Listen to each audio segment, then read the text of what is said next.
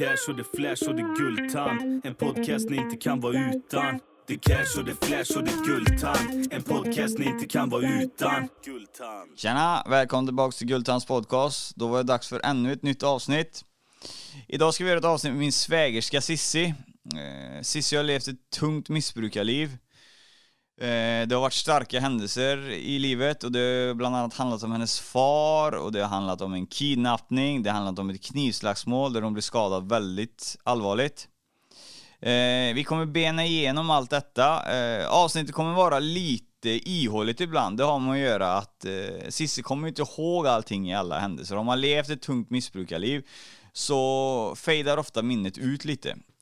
Men jag har ju hängt med i många år av hennes liv så att jag täcker in det jag kommer ihåg och det jag kan så att eh, vi hjälps åt här för att få ett så bra avsnitt som möjligt. Eh, det är väldigt eh, starkt av henne att vilja vara med här för det är rätt starka händelser i hennes eh, uppväxt som har varit upplysta i media också. Det har varit mycket artiklar det har, om det här med knivslagsmålet och när hon blev kidnappad och de hällde bensin och grejer över henne.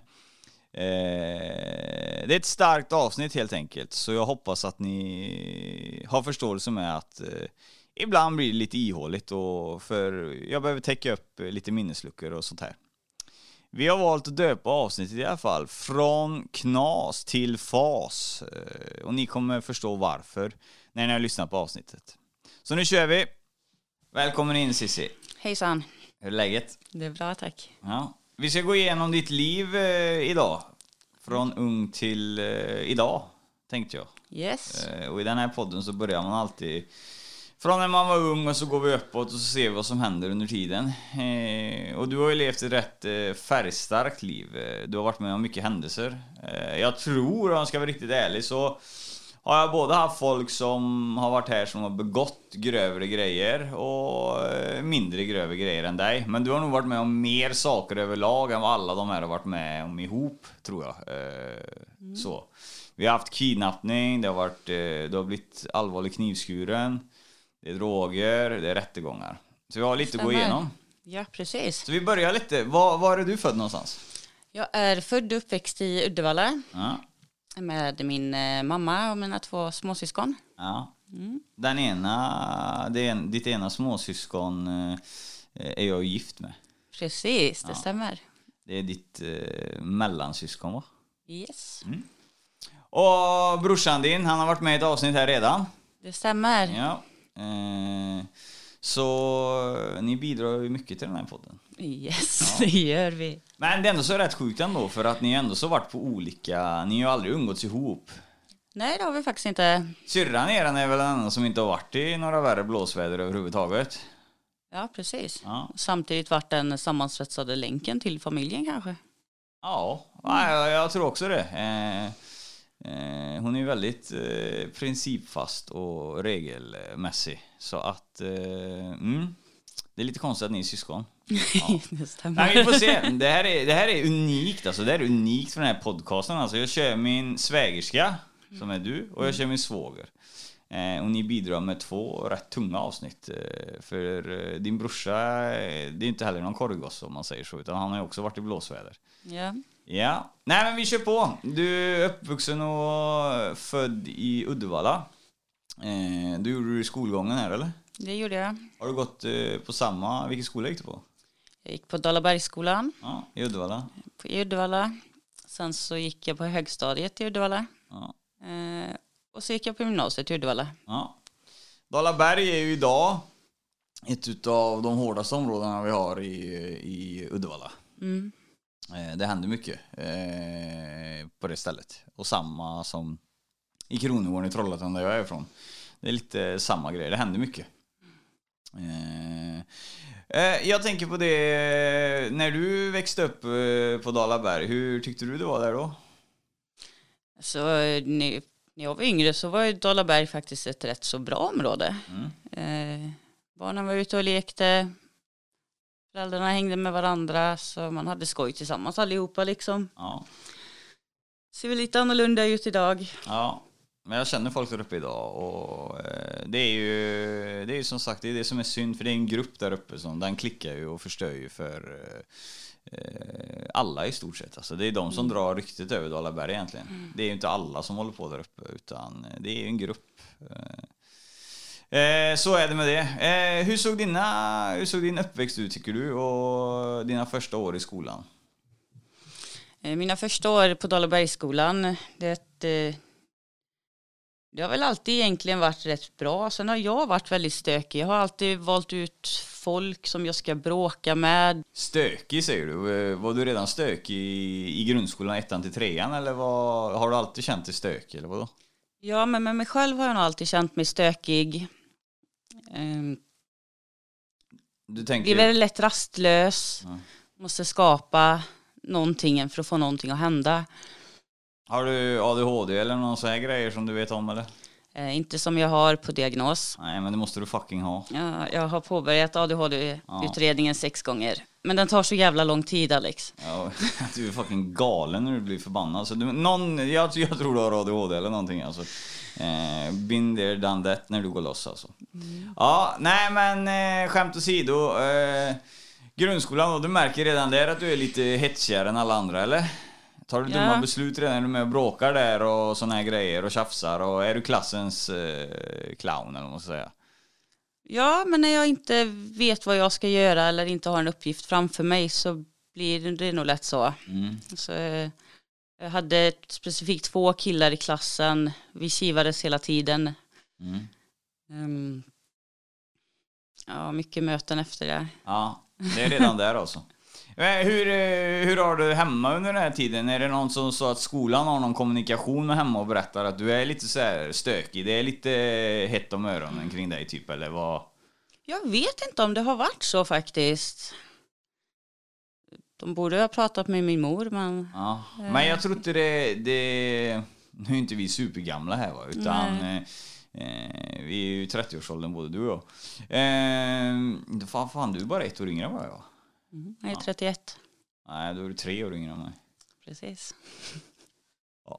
Skitsamma. Eh, eh, men i alla fall, nej, på den tiden, jag, det var också blåsigt ibland i skolan när jag gick i skolan. Men jag tror inte det var så riktigt så att de ringde hem hela tiden. Utan skolan försökte reda upp det. Jag, jag vill minnas det. Ja, men hemma då? Vad eh, tycker du att eh, morsan, hon eh, var ju ensamstående säger du. Hon hade väl rätt mycket att göra med er tre kan jag tänka mig. För ni är ju... Ja, men gud ja, det hade man nog. Ja. Så eh, läxor och såna här grejer fick du hjälp med. Ja, det tror jag allt jag fick. Ja. Ja.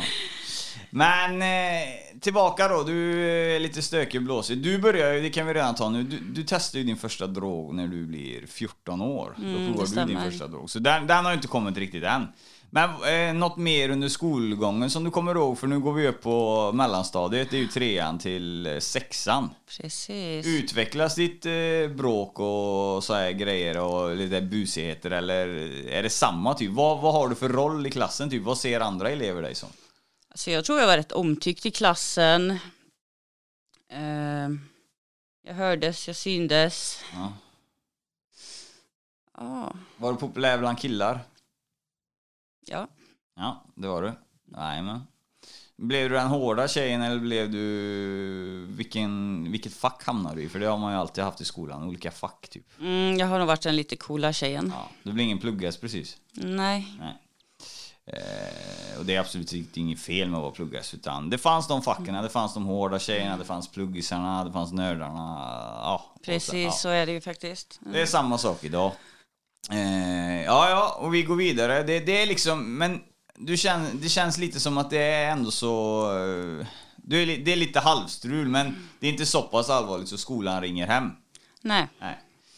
Eh, vi kommer upp, vi kommer upp på högstadiet. Eh, vad händer där? För här, här börjar det ju hända saker. För här, nu ska ju snart droger presenteras, eh, olika umgängen ska presenteras. Eh, så vad, vad händer? Vad är brytet? Att du går över det lilla bussträcket till att det blir allvar? Vad, vad händer i, i högstadiet då? Jag tror först att eh, det är för det första mycket hormoner. Ja. Fruktansvärt mycket hormoner. Man ska hitta sig själv, lära känna sig själv. Ja. Ehm, och sen så har jag ju inte haft någon kontakt med min far. Nej. Och när jag blir 15 så vill jag ha kontakt med honom. Ja. Mamma har alltid sagt innan att inte före du blir 15. Nej. Fanns någon speciell anledning till det? Eh, min far har också levt i missbruk Mm. och varit aktiv i sitt missbruk. Och det har mamma velat skydda oss ifrån då. Mm. Det är inte så konstigt i och för sig. Nej, jag skulle göra likadant mot min dotter. Yes. Precis. Så eh, det låter väldigt sunt att hon väljer att ni ska bli i en ålder. Jag tror det kan ha lite med att göra så att ni kanske får göra en bedömning själva eh, när ni är kapabla till att göra den. Man brukar inte vara det kanske när man är så ung du vet, utan då är allting bra fast det kan vara skadligt ändå. Ja, men precis. Och hon har ju försökt samtidigt tidigare också. Där Mm. socialen har varit med och han inte har dykt upp alla gånger. Och, Mm. Vilket har gjort oss ledsna. Det vill hon ju inte. Nej, helt korrekt. Men i alla fall, du eh, vänder och vrider på det där och du vill träffa han själv då när du är 15. Då vill du söka upp han själv. Men eh, vi pratade lite innan du och jag eh, här innan podden och redan då så har du redan blivit presenterad för din första drog. Mm, det stämmer. Eh, så den är ju presenterad för dig innan du tar beslutet att du vill söka upp din far. Ja, precis. Vad är det för drog du presenteras för då och varför? Eh, det är amfetamin. Och det är eh, lite THC. Ja. Eh, har du något minne av eh, första gången du brukade amfetamin? Hur, hur kom det sig och varför gjorde du det? Mm, ja, men det, jo. Eh, vi satt, eh, var några kompisar, vi satt och drack lite. Ja. Eh, Redan i 14-årsåldern då? ja, precis. Ja. Eh, och det kom fram lite pulver. Mm. Testade det. Sa jag måste testa allting liksom. Och fick lite fokus i huvudet. Alltså allting, det fick, allt fick ett nytt perspektiv liksom. Mm. Men vad var det jag skulle säga? Det här med... Du satt och festade lite säger du och det kom fram lite pulver. Har du redan hamnat i fel umgänge här på högstadiet eller vad? Jag vet alltså, så mycket skiljer det inte mellan oss. Men jag satt ju inte på fester när någon kastade fram amfetamin när jag var liten. Så att det, det känns redan som du hamnat... Vad var det här för kompisar du hängde med? Vad, var- vad var detta för typ av folk? Äldre eller? Eh, lite äldre kompisar. Mm. Eh, någon som känner någon som hänger med. Vanlig fest alltså, bara att det kom fram amfetamin på festen. Ja, men precis. Men vad, vad, vad, vad kände, alltså bara för att du var tvungen att testa allting som du testade eller var, varför just väljer man Alltså amfetamin är väl inte, nu kan inte jag det här om droger men det känns inte som den i inkörsporten Det känns som Mariana och de här grejerna i inkörsporten eller men du gick på amfetamin direkt eller? Det var ju det som kom upp då. Ja. Eh, Och här har vi ju starten på ett missbruk som varar i, ja cirka 15 år ja. Så, och du säger det att eh, du fick upp ögonen för knark då eh, när du testade detta. mm. Vad, hur kändes det när du provade första gången? Alltså jag visste redan första gången jag tog det att det här var ju någonting som skulle fungera för mig i min vardag. Mm. Vad menar du med fungera? När jag tog det på daglig basis så hade jag inga problem i skolan. Mm. Uppgifter löste sig.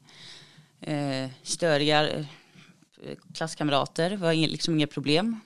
Eh, jag kände att jag kunde bli den som jag är. Och testa liksom amfetamin en gång, eller alltså inte en gång men Nej, det blir ju några gånger till där liksom. Men börjar vi inte krypa på närmare en sån här eh, ADHD eller någon sån här grej då? Eller ska inte det, ska jag, jag för mig att flera har sagt det, säkert i podden med tror jag flera har sagt det, att det är amfetaminet då, det ska tydligen vara en eh, la, någon form av medicinering mot, eller vad fan, eh, amfetamin, eh, vad fan är det? Det finns någon medicin som är amfetaminbaserad, fast syntetisk amfetamin som man eh, medicinerar. Frågan är om det är mot ADHD eller något annat man medicinerar det mot. Jag kommer inte ihåg. Bland annat ADHD. Ja. Ja, precis. Så i ADHD-medicin då finns det alltså syntetiskt amfetamin?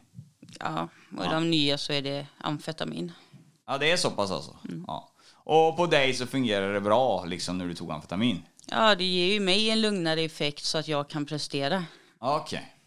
Ja, det är rörigt det där. Okej, Men med tanke på att jag inte har provat amfetamin själv så blir det svårt att diskutera det. Men överlag så har jag ju fått det presenterat för mig Eh, när folk har tagit amfetamin så är det liksom, de blir speedade, såna här grejer då. Men då, då gör jag den slutsatsen, och är säker, för den är fel som fan säker, men skit i det. Eh, då gör jag slutsatsen för mig själv att blir du lugnare på amfetamin så måste du ha ADHD då. Jag tror det. Ja, men det, det känns ju så liksom. Så, eh, ja, det kommer vi säkert få massa skrivelser om, men skit i det. Det, det är vad vi tror. Jag kan inte sitta här och, jag är ingen läkare va, men eh, så som jag får det fatta det som att vissa som tar amfetamin blir göspeedade, då har de inte ADHD, för då, då bromsar det inte liksom någonting, utan då släpper det bara på. Precis, och sen så har ju det också med hur mycket du tar kanske. Ja, Alltså, jag är vaken i tre dagar och måste maxa hela tiden, då kommer jag ju inte vara så lugn sen. nej. Men nu ska vi tänka Cissi 14 år, provar amfetamin och lite THC. När du säger lite THC, det är röka eller hasch och marijuana typ. Ah. Ja. Eh, vad får en 14-åring pengar till knark ifrån? Eller var det bjus, bjudning? Någon Mycket, kille? ja, mycket bjudningar. Ja. Någon kille då förstår jag eller? Ja, så umgängeskretsen. Mm. Eh, Det var inte så svårt. Nej? Jäkligt lätt faktiskt. Det är nästan svårare att få tag i öl liksom. Ja. Det är ju lite skrämmande dock. Det är, det, är det så. faktiskt. Mm. Ja, eh, men härifrån så börjar det här eh, missbruket liksom rota sig. Och det rotar ju sig lite innan du ska träffa din farsa också då, eh, din far. Så. Men vi kan ta det först, vi kommer gå igenom allting. Vilka droger eh, är det du har provat under din livstid eh, som eh, missbrukare då? Har du hunnit med alltihop eller? Jag har nog testat allt. Har du testat heroin också? Ja. Har du gjort det? Ja. Hur funkar det? Jag sov. Somnar Som, du? jag somnade när jag tog det. Eh, sov i ungefär 18 timmar kanske. För jävligt eh, bra drog eller det måste vara skit eller vad fan ska du ta droger och somna för då? Ja, det var ju inte min grej. Nej. Nej. Eh, Jag har hört att eh, heroin är en av de farligaste drogerna i Mm. beroendeframkallande och skademässigt. Mm. Eh, springer några heroinister här på stan som du säkert har sett också. Eh, de ser jävligt nedgångna ut alltså. Ja, Det precis. stänger av allt, eller mat, lust, hela skiten, det stänger av alltihop. Ja, som sagt, jag har bara testat det. Ja. Eh, har inte fått någon effekt som jag tycker om, så det har inte varit att jag vill ta det liksom. Nej, det får vi vara tacksamma för. Ja, verkligen. Vi går tillbaka, eh, 14-15 år och blivit presenterade för amfetamin och THC. Eh, livet fortsätter. Eh, hemma, är det någon eh, i hemmet som eh, förstår att eh, oj vad lugn hon har blivit, vad, vilken personändring hon har fått det här? Alltså hemma så var jag kanske inte riktigt lika lugn, för där tog jag inte några eh, i början. Där kom ju utloppet för allt inom mig ut istället. ja. Det tog du med hem, för drogerna tog du i skolan och så är de släppt fram tills du kommer hem. Ja, jag tog dem i skolan, jag tog dem med vänner efter skolan. Var kanske inte jättemycket hemma. Eh, när jag var hemma. Så jag var ju fruktansvärt arg hela tiden. Ja, jag vet att du och din syster, ni har bråkat en del. Oj, oj, oj. Ja, det har vi verkligen gjort. Ja, du satt och pratade om det igår. Mm. Eh, Ja, men då är vi med på det. Du får kontakt med din far i alla fall. Hur då? Jag, börjar, jag och min syster började med att skicka lite brev till alla adresser som han typ någonsin har bott på. Ja. Eh, Posten skickade tillbaka några brev då han inte var skriven på adresserna eller fanns på adresserna. Men sen två månader senare ungefär tror jag det var så fick vi ett brev tillbaka. En knagglig handstil på. Det var det pappa som hade skrivit. Han berättade att han var jätteglad att vi hade skrivit till han. Så glad att han faktiskt hade ställt in sig på behandling Mm. för att få kontakt med oss. Hade han ställt in sig på en behandling redan eller vadå? När han hade fått brevet. Ja, det var mycket det som hade gjort att det hade tagit så lång tid innan han hade svarat. Och, Ja, ja, så han, när han läste ert brev då skrev han in sig på en behandling då för droger. mm, det precis. Han var också en missbrukare alltså, redan då. Också Eller inte amfet- redan, men då med då. Ja, ända från att han var ung. Ja. Det känns lite ändå nu när vi kommer komma vidare på ditt liv att eh, du gjorde ju typ eh, du har också, du har ju också tagit en sån väg i livet. Tror du att det har att göra med eh, problemen att få kontakt med din far och att eh, du saknar han som ung eller vad, vad tror du att, eh, varför tror du att du, just du blev en missbrukare? Eh, Jag tror det kan ha att göra med alltså, vi har samma gener och vi är samma skrot och korn liksom. Mm. Eh, Ja. Eh, det vet man ju aldrig. Eller så hamnar du bara duktigt fel. liksom, Ja men precis. ja. I alla fall, du får, du får kontakt med honom. Men det, det är ju liksom, du har ju redan börjat missbruka här på ett sätt eh, Mm. som är skadligt för dig. Eh, hur, tar, hur tar det här vidare, vidare sig? Hur fan säger man? Hur tar detta... Var tar detta vägen? Eh, med skola och grejer och sånt. Eh, eh, skiter du i gymnasiet eller går du gymnasiet? Jag går gymnasiet. Eh, eh, jag pluggar, pluggar omvårdnad. Ja. Jag kom in på, jag sökte omvårdnad, bygg och fordon. Jag kom in på alla tre. Mm. Eh, valde omvårdnad. Eh, och eh, alltså jag har ju alltid gillat att vara i skolan. Jag gillar att prestera. Eh, och, det, skolan har alltid gått bra för mig. Alltså även om det har varit rörigt liksom mm, runt om liksom. Skolan har funkat och jag har gillat den. Eh, var mycket borta på gymnasiet utav samma skäl som vi pratar om. Mm. Så jag läste ett fjärde år på gymnasiet, fick upp mina betyg. Eh, ja, fick jobb direkt efter gymnasiet. Men jag tänker på det här om vi pausar lite om vi drar för mycket. Har, har din familj vaknat hemma på att du börjat bruka droger? Eh, både alkohol och droger vid gymnasietiden tror jag. Mm. Vad, hur, vad fick du för respons på det när du blev påkommen först? Kommer du ihåg när du blev påkommen första gången att du brukade droger? Mm, ja, det tror jag. Alltså det börjar ju typ egentligen med att hon kom på att man typ rökte cigaretter, sådana basic saker som är med alla ungdomar. Man kommer hem och luktar lite alkohol eller gjort en häxblandning på mammas alkohol i barskåpet liksom. Ja. Det tog rätt lång tid innan det märktes att jag tog droger. Mm. Eh, Ändå har socialtjänsten varit inblandad. Eh, Men jag tror typ runt 16 års ålder tror jag blev påkommen med drogerna. 16-17 kanske. Mm. Hur utspelade det sig? Ja, det. Om det var svårt, jag förstår att det var svårt att minnas vissa grejer men... ja men det har jag ju verkligen. Eh, Skulle kunna tänka mig att det har varit eh, att eh, mamma frågar rakt ut. Jag blir hysterisk och galen. Ja. Sticker därifrån efter jag har bråkat en stund.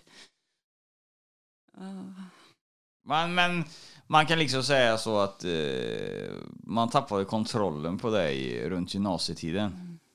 Egentligen inte, utan det är lite senare ändå faktiskt. Det gick väldigt bra att ta droger. Eh, fram till kanske 2017. Mm. Då hade jag tröttnat på att ta det vanligt. Och började med sprutor istället. Ja. Där tappade jag min kontroll. Ja, nej jag menar när eh, din mamma tappade kontrollen, det gick inte att styra dig längre alltså. Det måste ju... Mm. Det måste ju också varit rätt tidigt för henne. För Det var ändå rätt tidigt. ja, för- Redan när jag kom in typ i puberteten, när det började spöka liksom. Mm. Men vad, eh, du säger socialen, vad, på vilket håll var de involverade i? För de blir ju inte involverade i om det inte händer någonting liksom. Nej men precis, men det hände väl några gånger att mamma fick ringa till socialjouren Ja okej. Eh, för att jag var full, arg, Ja okej. slog sönder saker, var elak mot mina syskon På grund av drogerna eller? på grund av droger Ja. Så då... och temperament. Ja. Och det här har ju också en grej, att det blir ju rörigt i skolan, eh, droggrejerna fortsätter, du har ju provat alla droger som finns. Eh, nu när du är uppe på gymnasietiden, har du gått, kör du fortfarande på amfetamin och röka eller är det, har det kommit in andra grejer i eh, livet?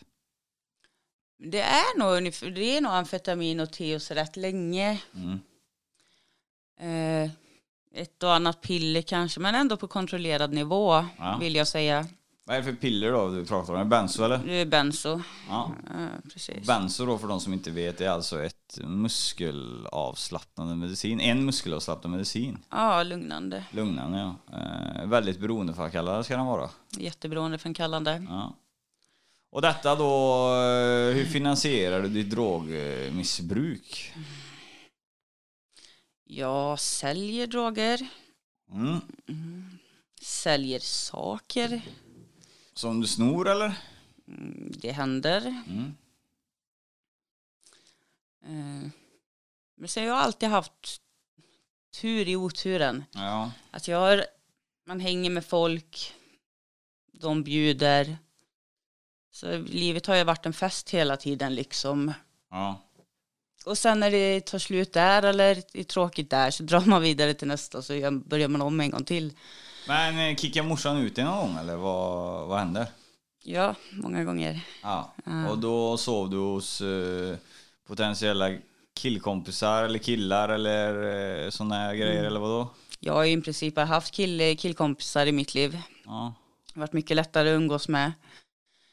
Eh, Så man sover hos kompisar, eh, kanske lite förtjust i någon, stannar där ett tag. Sen dra vidare. Ja det vet jag ju. Att du blivit förtjust i någon så stannar du där och sen dragit vidare och sådana grejer. Nej, du säger tur ibland. Vi har, vi har ja, tur och tur. Vi har lite grejer vi ska gå igenom här och vi ska börja krypa in på lite eh, väsentlig information också. Men vi kan ta det nu. Hur, vad har din pappa för roll i detta? Har ni börjat umgås med honom nu eller vid den här tiden? Är ni uppe på gymnasietider och grejer? Eller vad, hur är läget här? Mm, Rätt så fort faktiskt efter att eh, efter det att vi fick kontakt så började vi umgås, umgås både jag, eh, pappa och min syster. Mm. Jag lite mer än syrran. Ehm, Märkte han, han som är missbrukare, var, är missbrukare. Eh, nej, vi kan säga var. Din pappa har gått bort idag. ja, Eh, precis. tragiskt nog. Eh, men eh, vi kan säga så här då. Eh, på den tiden, eh, han var ju missbrukare själv då på den tiden. Eh, märkte han någonting om att du nyttjade droger till exempel? Eh, Det gick också rätt fort innan han, han såg ju det väldigt fort. Ja. Vi möttes i hallen en gång. Då hade han varit nere i källaren, gjort sitt. Jag drog ut till lekstugan, gjorde mitt. Ja. Möttes vi i hallen. Sen var det, det var ingen diskussion om det. Vi visste bägge två, okej. Ja, men försökte han påverka dig till att du inte skulle ta droger? Ja, han försökte vara en bra far liksom. Ja. Eh, ville få mig på andra tankar liksom att vi, vi skulle fixa livet. Eh, vi skaffade oss ett hus uppe i, uppe i Mellerud. Ja. Vi eh, skaffade en häst för det tycker jag, jag tycker jag om. Mån med att jag skulle sköta skolan. Jag gick upp klockan fyra varje morgon. Jag bodde längre upp. Eh, och för att ta bussen vid fem. Mm. Eh, han var alltid mån om att jag skulle sköta mig liksom. Och, Ja. Men du behövde inte gömma dina droger när du var där då? Precis, han slängde dem inte eller vadå? nej, det gjorde han inte. Han ville inte veta Nej, nej. egentligen. Nej.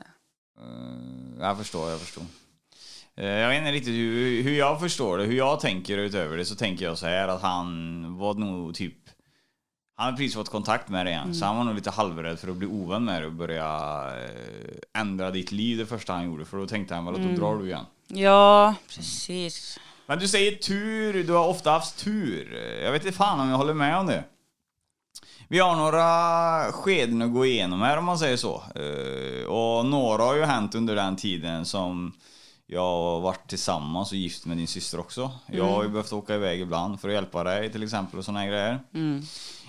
Jag vet inte var vi ska börja. Vi börjar med att räkna upp vad vi ska gå igenom. Vi ska gå igenom, eh, jag har skrivit eh, kidnappning, knivslagsmål, hemlöshet.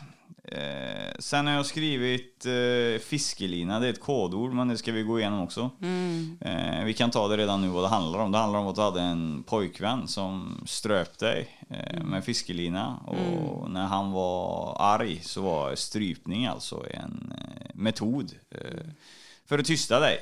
Det var ett sätt att få kontroll. Ja. Eh, och det tyder ju på eh, riktigt psykopatiska eller narcissistiska drag som det heter eh, också. Ja. Jag hade ju sånt avsnitt här för ett tag sedan. Och det här är ju, vi går ju på extrema grejer här nu. Vi kan börja med i alla fall att efter gymnasiet så vet jag att då får du ju ett jobb. Mm, jag blir vikarie. Ja, men du missbrukar ju fortfarande. Ja, precis. Och din mamma vet ju om det och är ju inte glad över det. Nej, samtidigt så tror hon ju på mig när jag säger att jag inte missbrukar. Ja. Men hon tröttnar till slut så... Eh, när du får eh, fast jobb är det va? Eh, då väljer hon att sparka ut dig. Samma dag som jag får fast jobb så har mamma hittat amfetamin hemma i sin lägenhet där jag bor. Mm. Blir rasande och eh, kastar ut mig. Och det, vad jag fattar som, det är ju eh, upploppet till en riktig knarkarkarriär. Ja, Men det blir ju det. Blir ju det. Ja. Alltså allting som jag har jobbat för eh, med jobb, skola, Mm. allt det går i krasch. Och när jag behöver flytta ifrån min mamma och inte har någonstans att ta vägen Mm. så blir det ju att man drar sig till dem man känner, Mm. vilket är missbrukare i sig.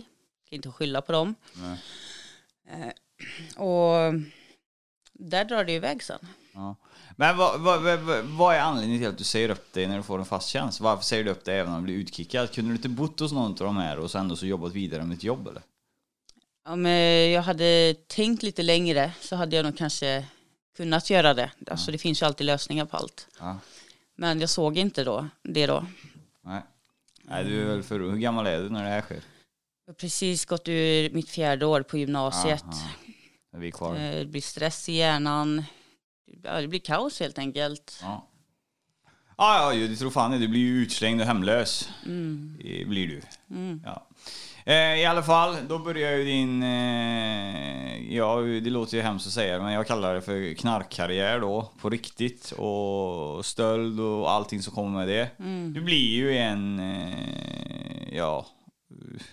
Kalla det vad som helst. Du blir ju en ej laglydig i alla fall. Och du, drogerna blir ju mer användningsbara. Är det här någonstans du går på med sprutor i det här skedet eller? Eh, ja, Ja. stämmer. Och är sprutor då, det menas med väl att du går på amfetaminer fast du tar det i sprutform eller? Ja, precis. Eh, Och injicerar detta då. Ja. Det blir mycket mer självdestruktivt. Eh, Allting egentligen. Vad menar du med det? Men det med sprutorna, hur man eh, tar hand om sig själv, hur man ser på sig själv, Okej. eh, vad man väljer för folk runt sig. Ja, du väljer ju inte din första bästa pojkvän i alla fall. Du väljer ju en riktig psykopat. Det gör jag. Eh, du har märken kvar på halsen än idag. Eh, hur ser ert, eh, det är en utav de här du flyttar till när du blir eh, utslängd då, hemma.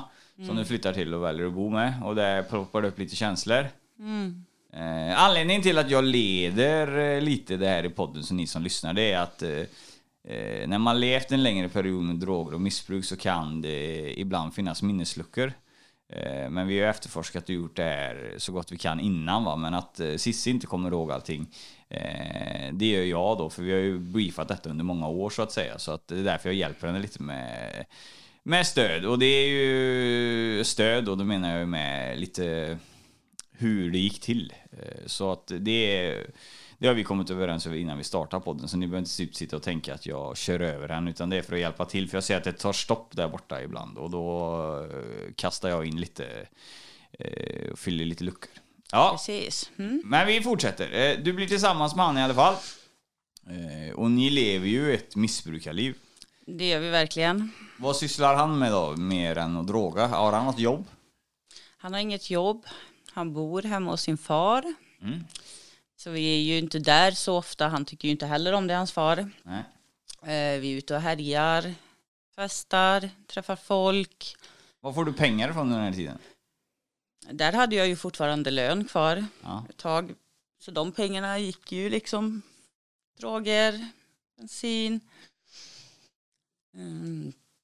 Sen så var man ju ute, hittade något på vägen, sålde det, ja. fick in pengar. Hitta, då menar du med sno. Precis. Ja. Eh, Jag vill, jag vill eh, få till mig att han är ju, han har ju psykopatiska drag. Eh, Han behandlar ju dig med mycket våld för att typ eh, tygla dig eller vad man ska säga. Mm. Och du går ju ofta din egna väg och du har ju din egna attityd. Så jag kan tänka mig att ibland blev han väldigt förbannad på dig.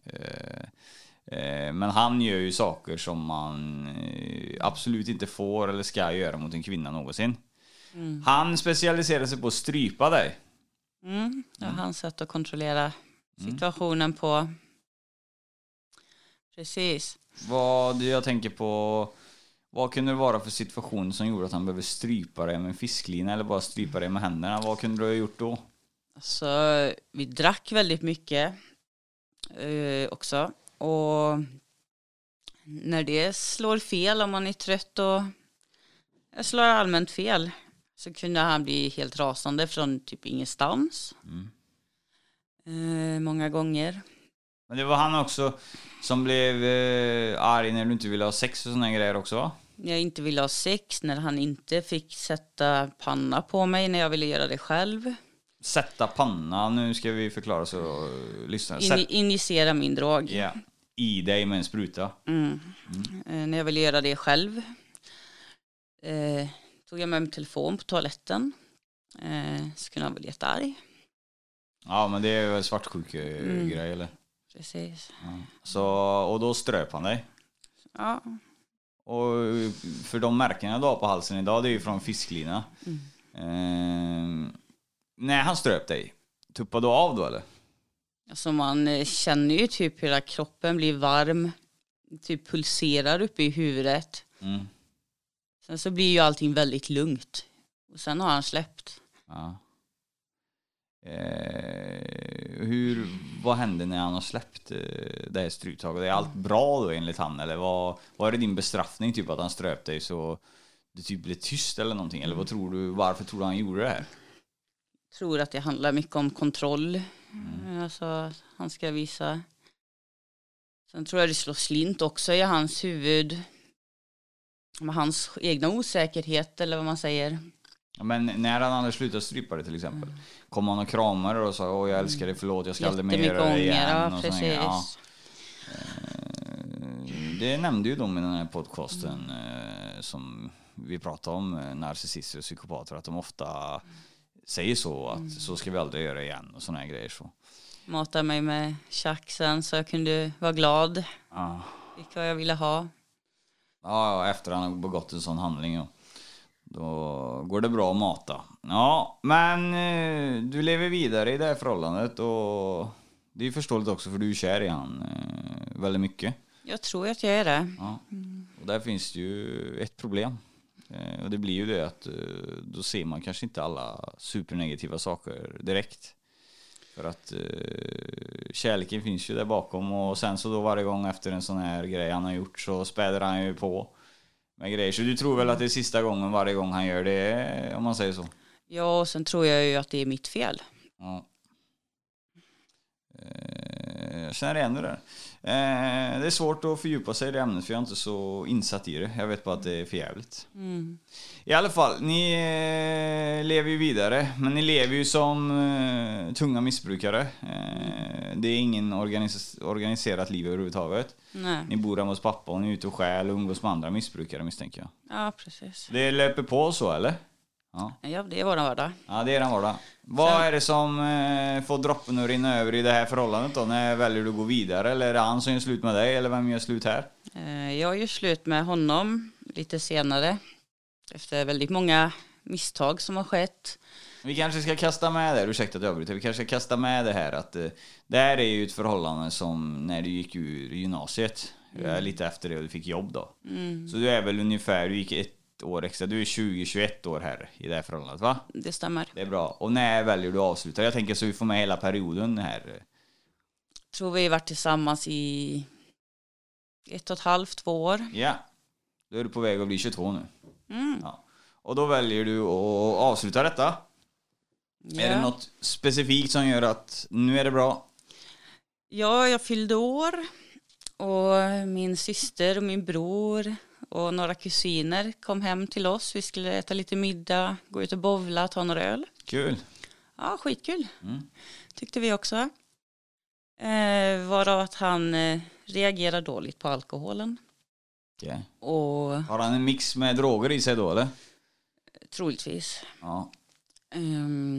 Och då bor ju vi uppe på ett bo, på ett, i en lägenhet med kontaktpersoner, han bor där och jag är där.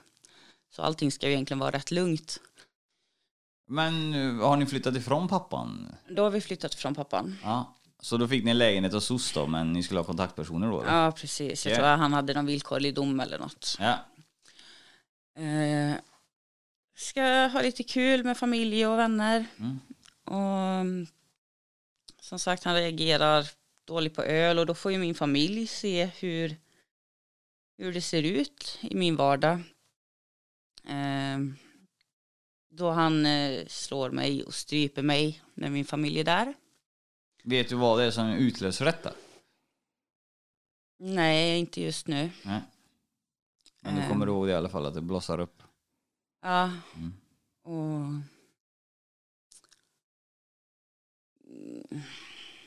Det slutar väl med att jag går därifrån helt blodig. Eh, Min syster och min bror tror jag gick till tågstationen. Efter det så pratade vi inte speciellt mycket, jag och den här killen. Nej. Eh, För det kändes, då blev det liksom verklighet när, när alla andra får se hur det verkligen var. Mm.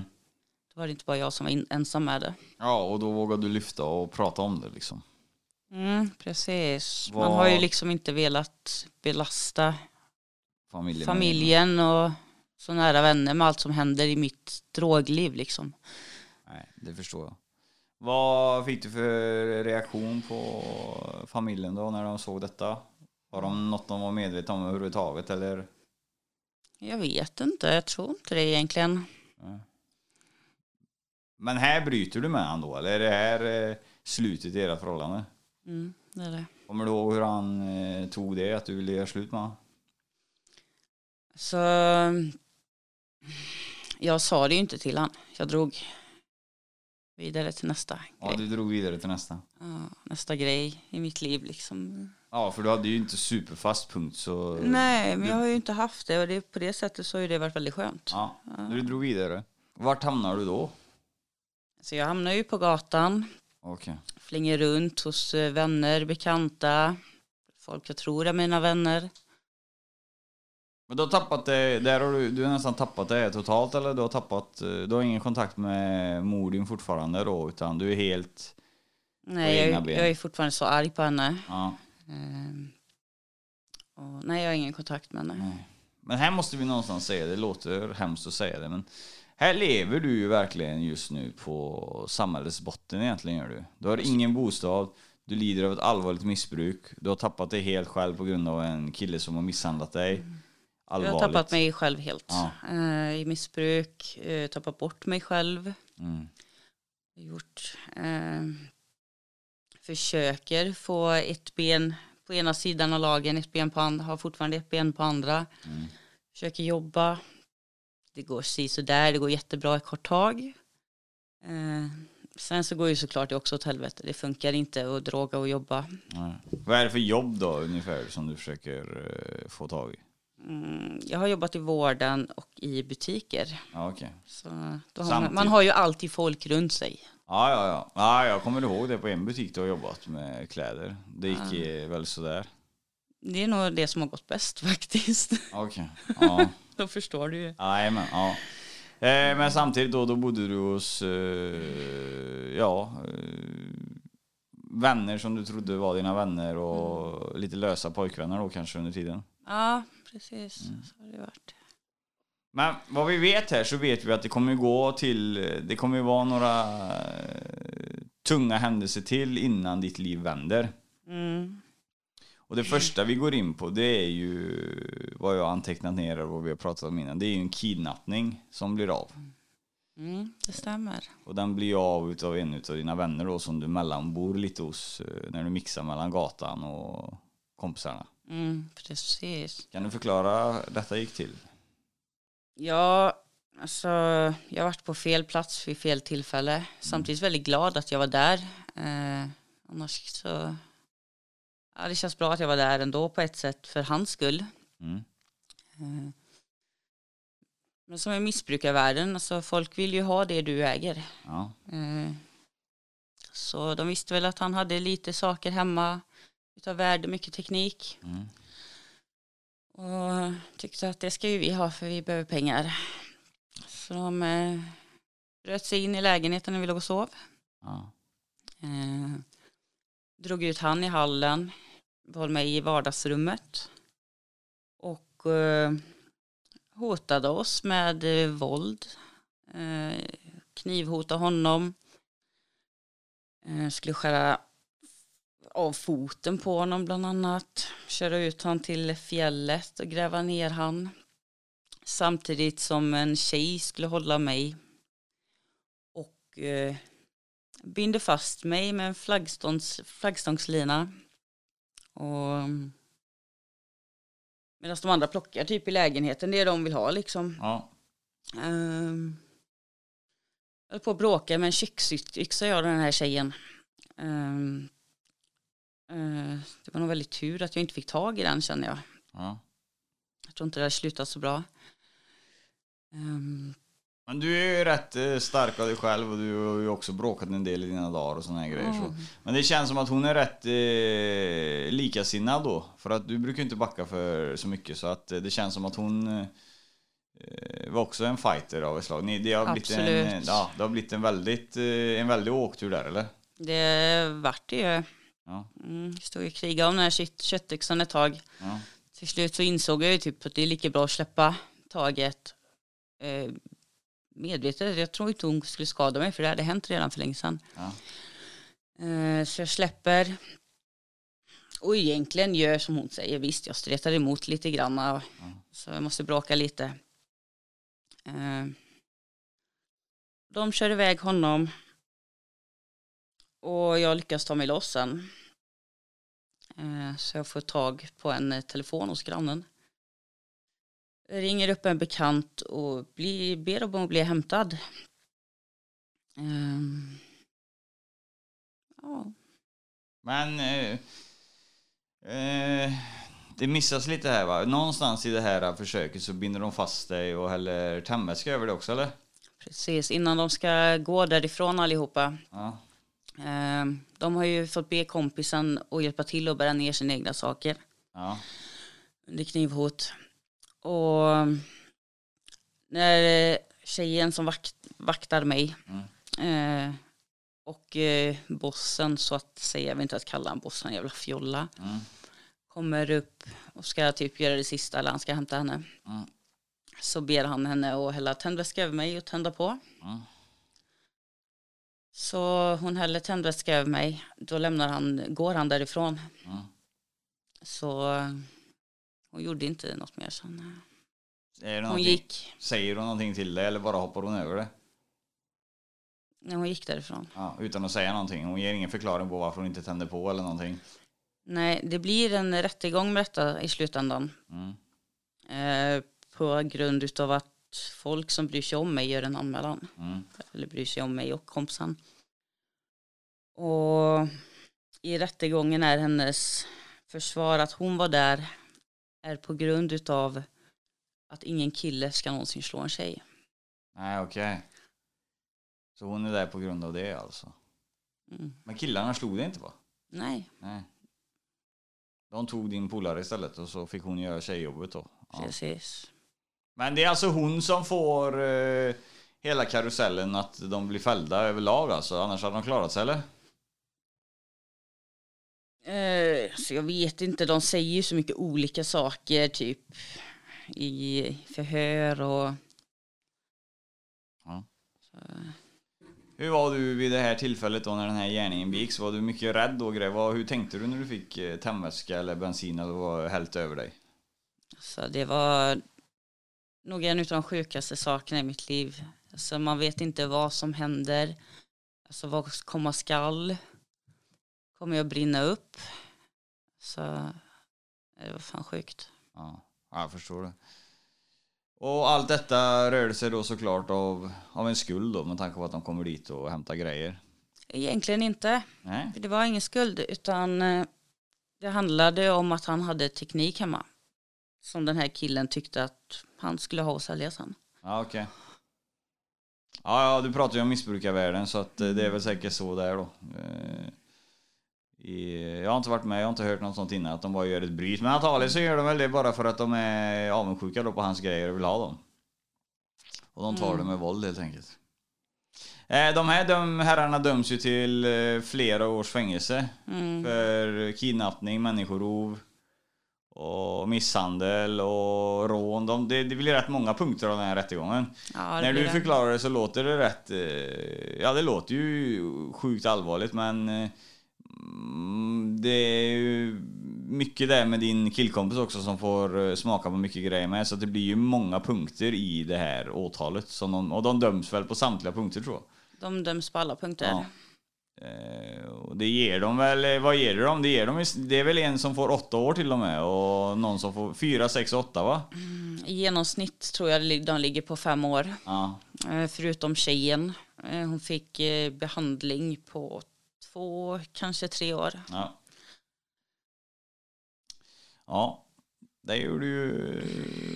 Det var ju bra för din del. Mm. Hur ser det ut i sånt här fall när du blir ett brottsoffer? Får du någon ersättning då? Mm, jag fick ersättning, Skadestånd? skadestånd eh, från Brottsofferfonden. Vad får man för ett skadestånd när man eh, är på väg att sätta livet till att bli uppeldad? Eh, Jag tror jag fick 40 000. Ja. Det var lite dåligt. Jag tycker det. Lite halvsnålt. Mm. Eh, Men i alla fall, du kunde ju leva vidare lugnt för man vet ju aldrig heller eh, vad du det nästa steg när, du, när hon kom ut i bilen och berättade att hon aldrig tände på det då vet man ju inte om de hade velat jaga dig med för att få tyst på dig som vittnesmål till exempel. Så att, eh, mm. Men här är väl ungefär också en av de första gångerna typ du ringer till mig och du hade glömt någonting i den lägenheten va? För jag och några polare till mig åker med, åker med dig dit ner. Mm. För att vakta dig då, eller typ vad man ska säga, när du ska hämta. Vad fan var det du skulle hämta? Jag skulle ju hämta, Dina jag hade något kläder. terrarium, Ja. med något, eh, någon Just ödla, Och lite den kläder. Ödle jäveln ska börja lasta äh, terrarium mitt uppe i allting alltså. Ja. Ja. ja men då ju vi med dig där nere för du misstänker att de kan finnas kvar på adressen. De är inte gripna när vi åker ner och hämtar dina grejer. Nej, precis. Utan, de eh, var ju... Ja, så du misstänker att de finns kvar i lägenheten och väntar på dig. Mm. Så då går vi in först och så tittar vi läget. Men det var ju ingen där. Nej. Eh, och du träffar väl aldrig dem mer sen heller va? Utan de hittas ju och döms sen. Precis. Jag fick ju besök av lite släktingar till den ena Ja. i butiken. Mm. De skulle väl visa vilka de var. Ja just ja, du fick en liten påhälsning där ja. Ja. Men det blev inte värre än så. Det var inte värre än så. Nej. Eh, Det var skönt. Sen blev de dömda efter det så har det varit lugnt. Men det är fortfarande en eh, stor händelse i ditt liv. Påverkar det någonting? eh, Hur påverkar det dig när du går vidare från den här situationen? Och vad går du till för någonting? Nu är det ändå så en kille som försvinner där i det här och umgås ni vidare eller? Men det gör vi. Men hur, hur känner du under den här perioden? Hur, efter den här händelsen? Är du rädd eller är du... Hur känns det? För Får du några men av detta? Nej, men jag skulle inte säga att jag är rädd. Så man blir lite stressad. Mm. Ehm, Men man måste samtidigt gå vidare i livet. Det har hänt. Ehm, Och vidare, då menar du, för det, här var ju en bra vän till dig som drabbas av detta också. Ja, Men ni blir aldrig ihop vad jag fattar som, utan du drar vidare. Du är inte färdig riktigt med ditt eh, nej om man ska säga så, utan du drar vidare. Så du bor lite hos honom lite då och då, men du är ändå så ute på stan också och slaggar hos andra så. Mm. Var han kär i dig? Alltså, vi har ju haft ett eh, förhållande tidigt. Eh, och där var vi rätt nöjda sen. Vi gjorde slut som vänner. Har alltid haft varandra sedan dess. Ja. Mm, Du i alla fall, du... Ni släpper ju detta och går vidare och du är fortfarande, eh, vad man ska säga, lös då, eller man ska säga. Du har ju ingen fast adress och du har ju ingen, eh, liksom, organiserat go alls. with the flow. Ja, men eh, du får ursäkta att jag säger så, men det blir ju så. Alltså du är ju lös alltså på, du har ingen adress, du har inga grejer så som du flyttar med dig, utan du bor fortfarande runt hos vänner och andra missbrukare då. Mm. Stämmer. Och kort in på den här händelsen med det här eh, kidnappningsförsöket så sker ju en rätt allvarlig knivskuring mot dig. Mm. Eh, jag har lagt ut bilder på det på Facebook på några av dina R här och den blev ju väldigt allvarlig. Och det här är ju ett tillfälle som du är väldigt påverkad när detta sker så du kommer inte ihåg så mycket utav det. Nej, precis. Jag kommer ihåg fram till händelsen, jag kommer ihåg precis efter. Ja. Eh, mycket adrenalin och chock kanske. Ja. Men här... Eh, här blir det ju lite luddigt då. Du blir knivskuren. Men du blir samtidigt dömd för den här händelsen för grov misshandel. Mm, precis. Så det känns som att här har det blossat igång rejält. Ja. Eh, vet du ens om personen som knivhögg dig blev dömd för någonting eller? Så jag tror att hon blev eh, dömd för misshandel. Mm. Eh, för de, hon yrkade, som jag inte kommer ihåg någonting, så Nej. yrkades det ju på självförsvar. Ja, ja okej. Eh, ja, ja, då förstår jag, då förstår jag. Eh, men här någonstans så... I den här eh, knivhändelsen som jag tror bara handlade om att du skulle lämna några kläder. Jag har försökt prata med dig innan. Du skulle lämna några kläder. Eh, men ni går ändå så dit beväpnade nämner du. Ni tar med er någon form av tillhygge du och en kompis. Ja, men vi gjorde det. Vi, jag tror situationen vart rätt upptaggad när vi åkte dit. Vi hade druckit lite cider. Första typ fina vårdagarna Ja. eh, på året. Inga droger. Lite droger. Ja, Lite lite, alkohol. Ja. Och taggat upp situationen att eh, ja, men hon vi ska lämna kläderna till, hon är en bitch. Ja, vi visar henne lite vad hon, vad hon tål liksom. Eh, Så det kan finnas att scenariot var att hon kommer, ni kommer dit, hon ser i fönstret att ni kommer, ut, kommer dit beväpnade med påkar eller vad fan det nu är, Mm. med basebollträ och liknande. Det kan vara så då att hon drar en kniv och så försöker hugga er då för att försvara sig för hon tror att ni ska gå till attack. jag, kan, jag kan inte säga någonting Nej, om det. Eh, för jag minns inte själva händelsen just där. Nej. Jag minns när jag gick därifrån, säger till kompisen att fan jag blöder i armarna, jag blöder i magen, jag blöder i benen. Mm. Eh, det är det jag kommer ihåg. Sen så vaknar jag på sjukhuset. Eh, det står hur mycket läkare runt om mig som helst. Den ena närmast mig säger typ du ska operera Cissi. Ehm, sen vaknar jag upp dagen efter när jag får förklarat för mig alltså att jag blivit opererad. Ehm, och eh, får även ett samtal kort in på det jag får berättat för mig en historia av vad som har hänt. Mm. Så att eh, själva händelsen är du inte medveten om utan den är förklarad för dig i efterhand. Ja, Då kan man eh, dra den slutsatsen att du var väldigt påverkad eh, innan ni kom dit. precis. Och jag har ju sett det i action och jag vet att eh, det går hett till när du går igång. Mm, ja, men det svartnar ju. Ja, det gör det. Ja. Och det är tecken som inte är bra att ha med sig ut på stan. Eh, och särskilt inte med tillhyggen. Nej. Eh, så den här gången så tror jag kanske att eh, ni har gått till attack och hon har huggit er. Eh, liksom. Det vet vi det, inte. det, men det Nej. kan, det kan gott vara så, absolut. Eh, jag, jag har ingenting att säga om det liksom. Eh, Det är så jävla, blir så jävla luddigt. När du döms för misshandel då har de ju någonting som... eh, Precis. Jag, bad, jag bad henne om ursäkt när vi träffades strax efter rättegången. Ja, Eh, Så det, kan, lika- det är lika mycket mitt fel. Bägge har gjort fel ja, absolut. liksom. Och det är gött att ni kan mötas på den vägen. Mm. Eh, för det, det, var, det har du varit tydlig med innan och det vill jag lyfta här så folk Mm. förstår det. Att du har verkligen satt det här i den här studion innan och sagt att jag vill inte ha någon offerkof, offerkofta. Eh, för att du har också gjort fel i ditt, mycket fel i ditt liv och mot Absolut. andra människor också. Så att du, du vill inte få detta till att eh, allting skulle vara synd om dig. Och Nej, det men tycker så jag är det ju nej. verkligen inte. Nej, och det tycker jag är bra. Eh, Därför vill jag lyfta det så folk förstår det. Så Mm. inte folk tror att du sitter där och säger att det är alltid alla andras fel. Utan du har ju klivit in i situationen med som har skapat eh, rubriker om man säger så. Mm. Eh, ja, men av den här knivhändelsen och när du piggnar till från sjukhuset så får du ju typ en väckarklocka. Du flyttar ju från stan.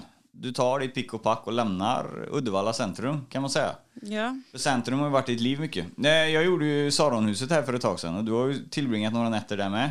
jajamän. Eh, Guld värt att Saron finns. Ja, det är roligt att höra. Det är jävligt skoj att höra.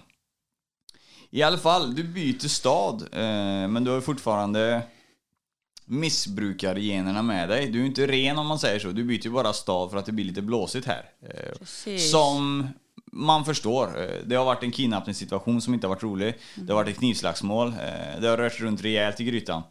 Och då du inte kommer, kommer ihåg allting under den här perioden så eh, finns det säkert mer grejer som gör att du lämnar stan också så att det inte blossar upp ännu mer.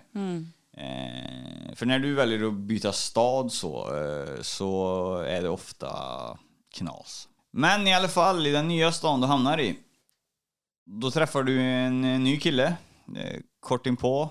Eh, och eh, du får ju en lägenhet där först då som du bor i, men du träffar ju en kille där. Men SOS hjälper du med lägenhet först. Men eh, i alla fall, du träffar en kille där. Såklart och också på samma nivå som du är när du kommer dit. För du är fortfarande en missbrukare när du hamnar där, som du säger. Precis. Och det är han också. Så att eh, en stund in i ert förhållande, som du har berättat, så använder ni ju er av amfetamin. Ja, det gör Men vi. sen händer det någonting i det förhållandet som är väldigt viktigt för framtiden. Ja, alltså vi inser väl rätt så fort att eh, vi verkligen tycker om varandra. Mm.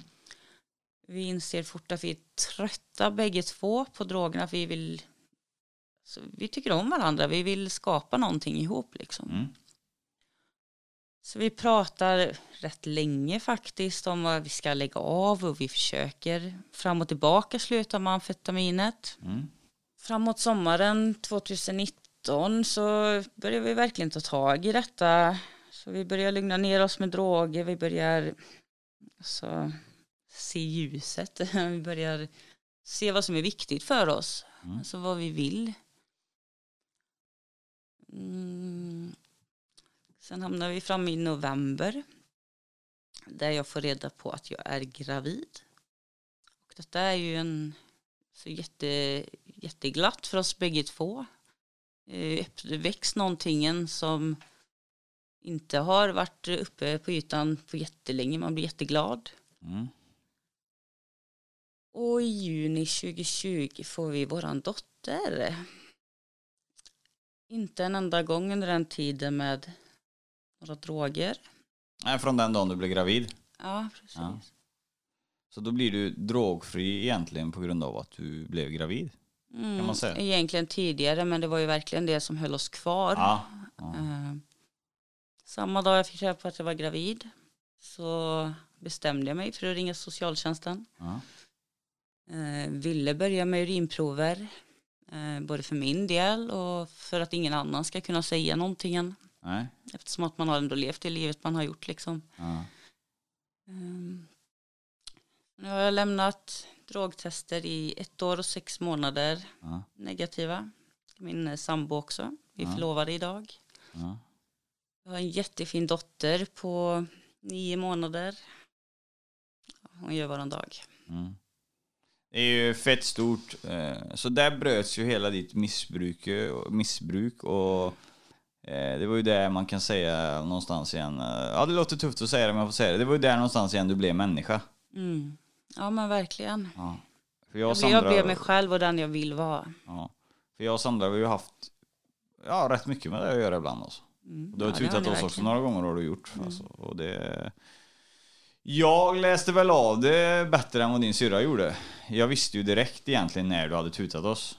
Mm. Men hon ville ju inte acceptera det förrän hon fick det verkligen bevisat. Mm. Men ibland visste jag det. Eh, Men i alla fall tillbaka till det fantastiska att du verkligen höll dig drogfri där på grund av att du blev gravid och det här med testerna. Det är ju helt grymt. Mm. Och idag vet jag ju att din sambo har jobb idag. Och du går som mammaledig men du har en tjänst som väntar på dig när du eh, kan lämna på dagis helt enkelt. Precis, och det ska bli helt fantastiskt att få komma ut och få jobba, Ja. träffa lite andra folk. Och... Fin lägenhet har ni och ni har inrett jättefint och SOS är liksom bortkopplade. Ni har ju liksom kopplat bort hela missbrukarlivet. Ni lever ju ett helt vanligt arbetarliv nu. Ja, det är helt fantastiskt. Ja. Mm. Men det blev fan många väckarklockor för dig innan du liksom... Ja, det är som jag brukar säga, man får åka bagageluckan några gånger Ja. innan man fattar. Men enligt mig så är detta ett eh, jävligt starkt eh, avsnitt och det är jävligt starkt, inte bara för att du är min svägerska, men det är också jävligt starkt för...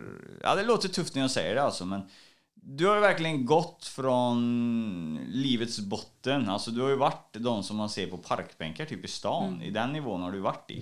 Som har suttit på en parkbänk helt utslagen och såna här grejer. Och gått till eh, toppen liksom med 0,0 droger. Jobb som väntar och eh, ja, eh, framtidsplaner liksom. Precis. Och jag blir gudfar. Och du blir gudfar. Ja. Helt fantastiskt. Ja. Så eh, det känns, ju, det känns ju helt fantastiskt och jag är både stolt och glad över att det funkar bra för er. Tack så mycket. Eh, och jag tror att, ja, jag tror verkligen på det. Jag har haft andra här i podden som säger att de ska sluta knarka och sådana grejer. Fine, jag kanske, jag kanske tror lite på dem men eh, jag tror mer på dig i det här fallet. För jag tror även om det skulle bli knas nu så har du din dotter kvar om man säger så. Så du kommer nog aldrig börja missbruka än utan du kommer nog bara leva livet hur ert förhållande än tar vägen. Utan jag tror drogerna är färdigt för kapitel för dig. Det är verkligen en ryggsäck som ligger bakom mig. Jag sa det till dig innan. Det är därför det blir så svårt också att berätta om allt detta. För man har ändå stängt den kappsäcken, Ja. slängt bak den och så lever man i nuet. Ja, och det Det kan vi ta upp ni som har lyssnat på det här avsnittet att eh, det blev lite, det blev lite ihåligt ibland och ja, folk får förstå det när man gör såna här podcast med folk som har levt hårda liv med missbruk och diverse saker. Det är ju så att det finns faktiskt saker som heter blackouts eh, i de här kretsarna och det finns eh, händelser som man inte kommer ihåg om man lever ett sånt här liv och är påverkad 24 timmar om dygnet. Då glömmer man ofta saker. Så Cissi här har försökt återskapa det med min hjälp så mycket som möjligt och sen har jag också bakat in eh, information som jag har tagit del av under de här åren men som hon kanske har glömt men jag kommer ihåg. Så att jag tycker vi har gjort det riktigt jävla bra ändå. Och nu tror jag att vi ska gå upp och äta en god middag. Det vi har ungar och det är fullt hus på familjer här så att eh, Eh, nej, bra jobbat nu och lycka till i livet säger jag och grattis till ditt eh, drogfria liv. Tack så jättemycket. Grymt att du vill vara med i podden. Tack. Det här var alltså avsnittet Knas till fas. Eh, och jag tyckte det var passande och eh, döpa det till det. Och ni förstår säkert varför nu. Eh, som vanligt så släpps nya poddar måndagar klockan 12. Podden finns där poddar finns och det ni ska söka efter är Gultans podcast. Och jag kör ju nu som alla kanske har sett som lyssnar, jag kör ju lite frågesport och lite utmaningar på Instagram. Så in och häng på Gultans podcast Instagram-sida så ses vi där tills vi hör nästa avsnitt. Ha det bäst från Alex Gultan. Tjena! Gultan.